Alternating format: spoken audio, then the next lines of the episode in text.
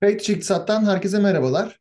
Ee, bu yayında e, depremin e, 6 Şubat gecesi gerçekleşen Kahramanmaraş, Hatay, Gaziantep, Adana, Osmaniye, Kilis hatta e, Malatya illerimizi etkileyen depremin e, biraz ekonomik etkileri hakkında konuşmak istiyorum. Aslında bu yayında erken de yapabilirdim ama biraz beklemek e, beklemenin doğru olacağını düşündüm öyle söyleyeyim. Çünkü hakikaten de e, maalesef insanlar enkaz altındayken, yakınlarını ararken enkaz dışında olanlarda belki de ekonomik etkilerden konuşmak doğru değil gibi geldi. Bilmiyorum yani bu tabii kişisel gözlemim sadece. Aslında bu- bunun doğrusu yanlışı belki de yok. Çünkü sonuçta bu ekonomik etkileri ve olumsuz ekonomik etkilerden bahsedeceğiz tabii ki.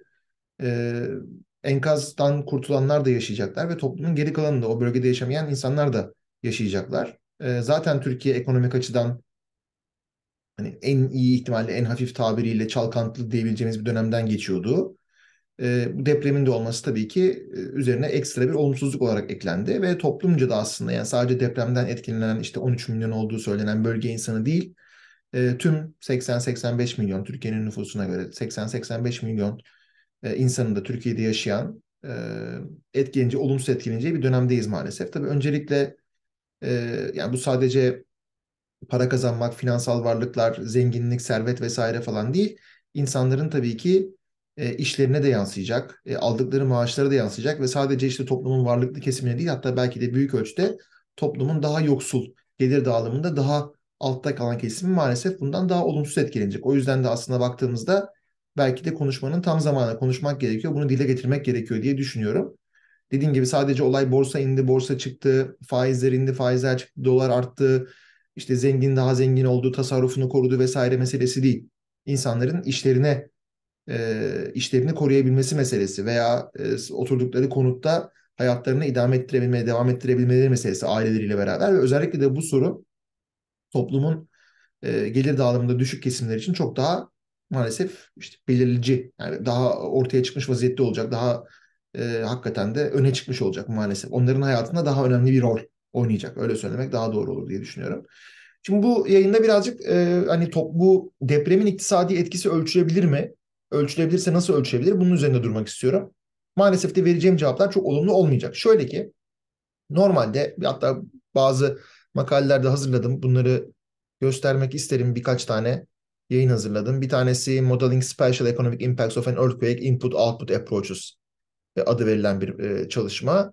E, bakabilirsiniz bunu Emerald Research Register'da e, var bu çalışma.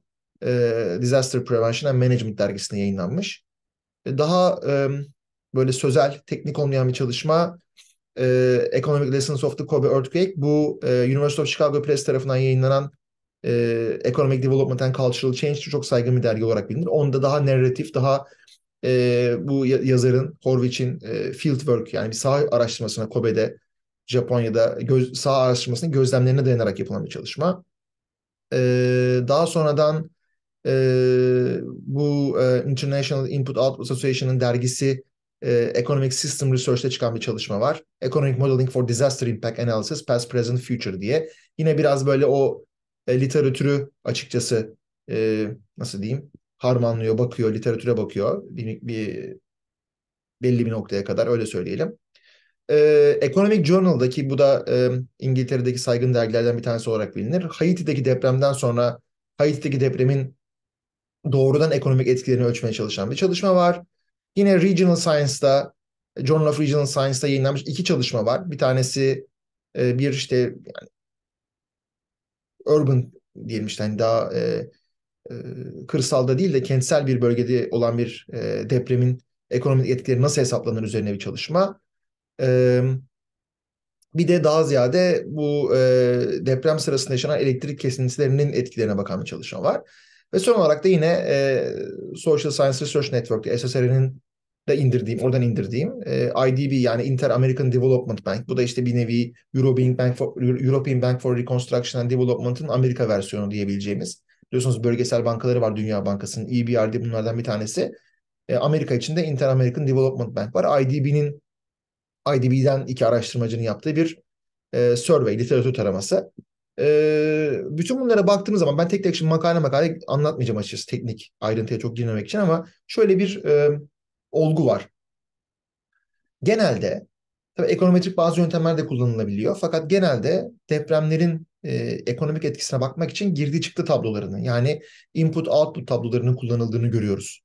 Input output tablosu nedir? Çok yani basitleştirerek anlatacak olursak e, sektörel bir dağılım yapılır ülke ekonomisinde. Diyelim ki 16 sektörlük bir çalışma yapıyorsunuz. Bu 16 sektörün her birinin e, birbirine e, yani her birinden çıkan üretimin diğer hangi sektör, diğer 15 sektöre sahip 16 sektörün bir sektörünü ele alalım. Bu sektörden çıkan üretimin e, ne kadarı e, diğer 15 sektöre girdi olarak giriyor. Bunun tablosu vardır. E, ve bu genelde işte dünyadaki ülkelerin istatistik otoriteleri tarafından hazırlanır. Belli aralıklarla, belli dönemlerde raporlanır ve kamunun erişimine açılır bu veri. E, bunu dün Medyaskop'ta izledim. E, Öner Günçavdu ve Haluk Levent hocaların ağır ekonomi programını. Orada da dile getirdi Haluk Hoca, Haluk Levent Hoca ki işte Öner Hoca da katılıyordu zaten bir onunla bildiği bir şey. Her hepimizin bildiği bir şey aslında. Orada gündeme geldi yani. O da şu ki 2012 yılından beri Türkiye İstatistik Kurumu TÜİK girdi çıktı tablosu açıklamıyor. Hatta o çalışma, o programda 1999 depreminin e, ekonomik etkilerini Erinç Hoca'nın, Erinç Şeldan ve bazı ortak yazarlarının yaptığı bir çalışmayla tahminlendirildiği söylendi. Onların da 1998 yılında 98 yılında açıklanmış olan 98 yılı girdi çıktı tablosu verileri kullanarak yapıldığı söylendi. Yani zaten deprem 99'un Ağustos'unda oldu biliyorsunuz Gölcük depremi. 98 verilerini kullanmak kabul edilebilir. Ee, biz de şu anda 2023 yılında olmuş bir depremden bahsediyoruz ve elimizde girdi çıktı tablosu olarak 2012 yılı verileri var maalesef. Şimdi bu niye önemli? Yani az önce gösterdiğim makalelere bakarsanız eğer aslında orada çoğunun girdi çıktı tablosu kullandığını görürsünüz. Çünkü bizde önemli olan şey şu.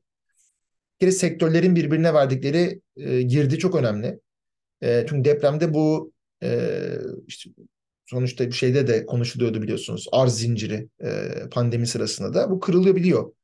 E, özellikle bir de bunu bölgesel olarak yapmak çok önemli. Çünkü bölgesel anlamda bir kırılma yaşandı. Yani sonuçta Kahramanmaraş'ta, Gaziantep'te, işte Hatay'da, Adana'da, Osmaniye'de, Malatya'da vesaire e, ciddi bir e, yani sonuçta sadece e, insanların yaşadıkları konutlar yıkılmadı. Tabii onun çok daha ciddi bir etkisi var. Çünkü insanların vefatında sonuçlanıyor maalesef. E, şu anki veri itibariyle 45 bin civarında herhalde bir e, ölü sayısı var maalesef ki. E, ama e, öte yandan iş yerleri de yıkıldı. Ve bu iş yerlerindeki belli sermaye stoğu da zarar gördü. Belki de kullanılamayacak noktaya geldi. Veya işte dükkanlar yıkıldı. E, perakende satış yapan bakkal, işte ne bileyim ben kozmetik ürünleri satan, kıyafet satan vesaire vesaire. E, işte konaklama tesisleri yıkıldı oteller maalesef ve ki işte bunların hep konuşuyoruz maalesef. E, pek çok insan maalesef bu otellerin enkazı altında kaldı ve vefat etti. E, yani bunların tabii iktisadi bir etkisi oluyor maalesef. Dolayısıyla bunları görmek için de aslında bu sektörlerin o bölgede birbirlerine nasıl girdi çıktı, bu, sektörlerin birbirleriyle nasıl bir girdi çıktı ilişkisi içinde olduğunu bilmemiz lazım. Maalesef elimizde bununla ilgili güncel bir veri yok. Ne yapıyorduk yani sonuçta peki hiç girdi çıktı analizi yapılmıyor mu Türkiye'de peki diyeceksiniz. Yapılıyordu. Ben de yaptım. Yani depremle alakası olmayan konularda işte ne bileyim ÖTV'nin etkisi, e, nükleer santral, e, Sinop nükleer santral için benzer bir çalışma yapmıştık. 2012 yılı tablosu elimizde var. E, oradaki işte belli ağırlıklar sabit kalıyor diyebilirsiniz. İşte belli ağırlıkları kendinizce farklı varsayımlar altında güncellemeye çalışabilirsiniz. Vesaire vesaire. Yani tabii ki o 2012'yi 2023'e getirmenin yolları var mı? Yani belli varsayımlar altında var tabii ki ama bunlar ne kadar sağlıklı varsayımlar, ne kadar gerçeği yansıtıyor tartışılır. Yani falcı, falcılıktan hallice diyorum ben. Kısaca dolayısıyla yani tamam var böyle belli istatistiksel yöntemler, tahminler yaparsanız vesaire ama bu ağırlıklar değişmedi diye varsayarsanız veya değişimleri işte bir önceki 99 tablosundan 2012'ye nasıl değiştiyse o değişim aynen devam ediyordur dersiniz vesaire. Yani belli yöntemler tabii ki var. Ee, kendinizce 2012 yılı tablosunu 2023'e, 2022'ye diyelim ki getirebilirsiniz ama e, o kadar. Yani hani o bir tahmin olur. Tahminin tahmini gibi olur aslında. Çünkü sonuçta o tablodan yola çıkarak bir tahmin yapacaksınız. Ama o tablo da tahmine dayandığı için tabii tahminin tahmini noktasına gelmiş oluyoruz. E, yine e, ağır ekonomi programında Öner Hoca ile Haluk Hoca açıkladı galiba yine. E, işte 2020 TÜİK'ten aldığı duyumlara göre 2024-2025 gibi yeni tablonun açıklanması bekleniyormuş. Çünkü TÜİK'in bu işlerle ilgilenen, girdi çıktı tablosuyla ilgilenen biriminde bir kişi çalışıyormuş uzun zamandır. Onu ancak yeni iki, iki kişiye çıkartmışlar. E, vesaire vesaire. Yani uzun yıllarda çalışan kişi de sanırım ayrılmış. Şimdi ben de dediğim gibi TÜİK'le çok bir e, ilintim olmamasına rağmen Yani sadece duyumlu itibariyle söylüyorum programda dinlediğim kadarıyla. Ee, yani dolayısıyla bu işle ilgilenen yok gibi diyelim. Hani varsa da işte ancak daha birkaç sene daha beklememiz gerekiyor gibi gözüküyor. Ee, ve dolayısıyla aslında bu az önce gösterdiğim makalelerin tarzında bir deprem etkisi tahminlemesi yapmak da çok kolay değil. Ee, şöyle değil yani sonuçta yine bu tablo elimizde en güncel tablo olsaydı dahi yapacağımız şey bir tahmin olacaktı. Çünkü hakikaten işin boyutunu öngörmek kolay değil. Ee, olay sadece iş makineleri yıkıldığıyla da bitmiyor aslında. Mesela şimdi o iş makineleri bir sermaye stoğu, fiziksel sermaye stoğu.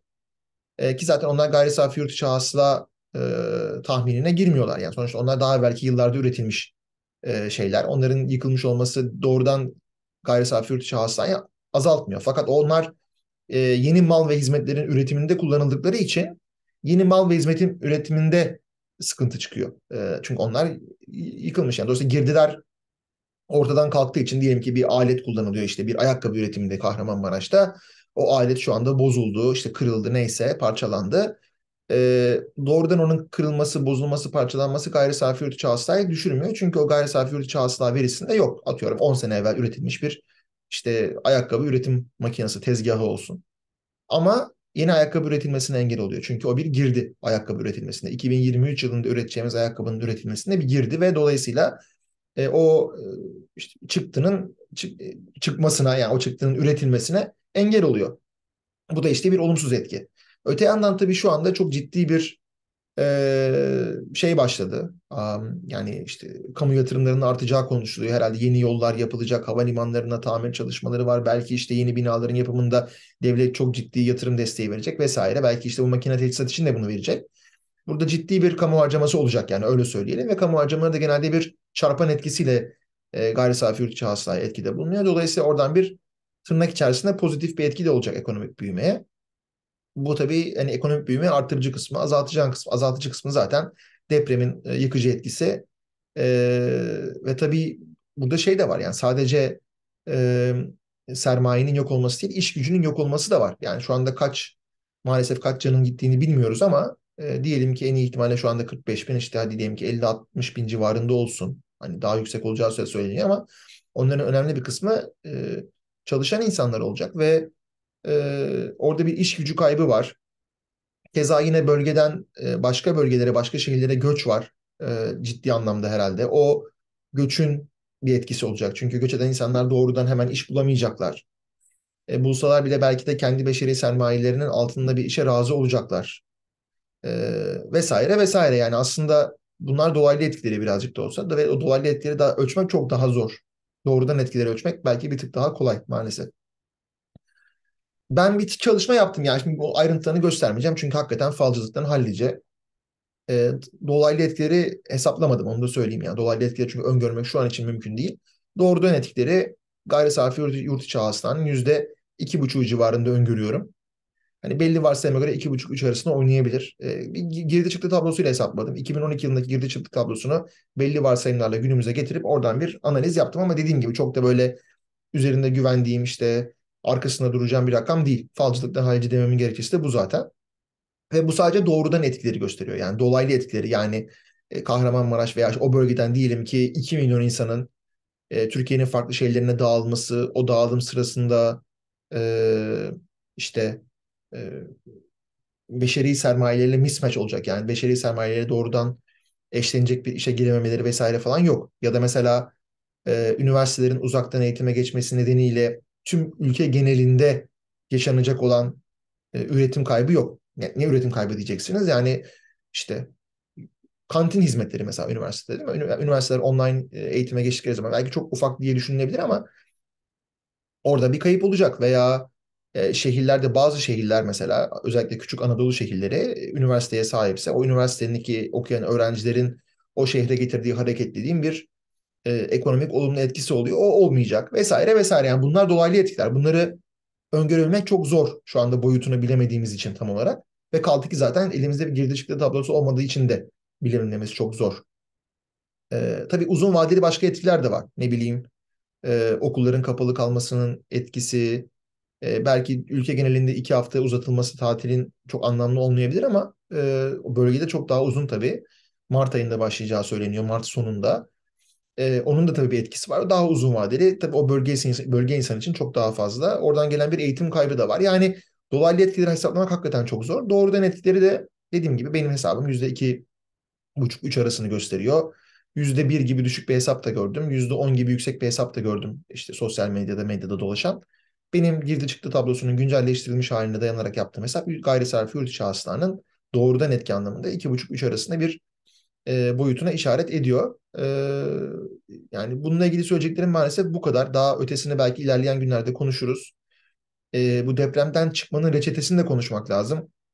E, çünkü hakikaten sadece işte bu kısa vadeli iki buçuk üçlük etkiden ziyade uzun vadeli etkileri olacak. Psikolojik etkileri olacak, sosyolojik etkileri olacak, göçün e, toplumsal önemli etkisi olacak, bölge açısından etkisi olacak. Yani e, ve tabii ki yani depremin Türkiye için bir gerçek olduğundan yola çıkarsak pek çok şehrimizde depreme dayanıklı konut stoğunun da maalesef yeteri seviyede olmadığından dolayı e, çok ciddi konut piyasasında çalkantılar bekleniyor.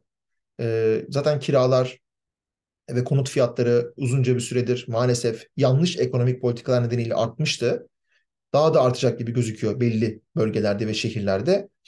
Toplum buna nasıl dayanacak? E, dar gelirli buna nasıl dayanacak? Açıkçası bilemiyorum. Yani bir iktisat profesörü olarak e, ben de bir şey söyleyemiyorum net olarak maalesef. Önümüzdeki günlerde göreceğiz. Şimdilik söyleyeceklerim bu kadar. Beni dinlediğiniz için teşekkür ediyorum ve hepinize iyi günler diliyorum.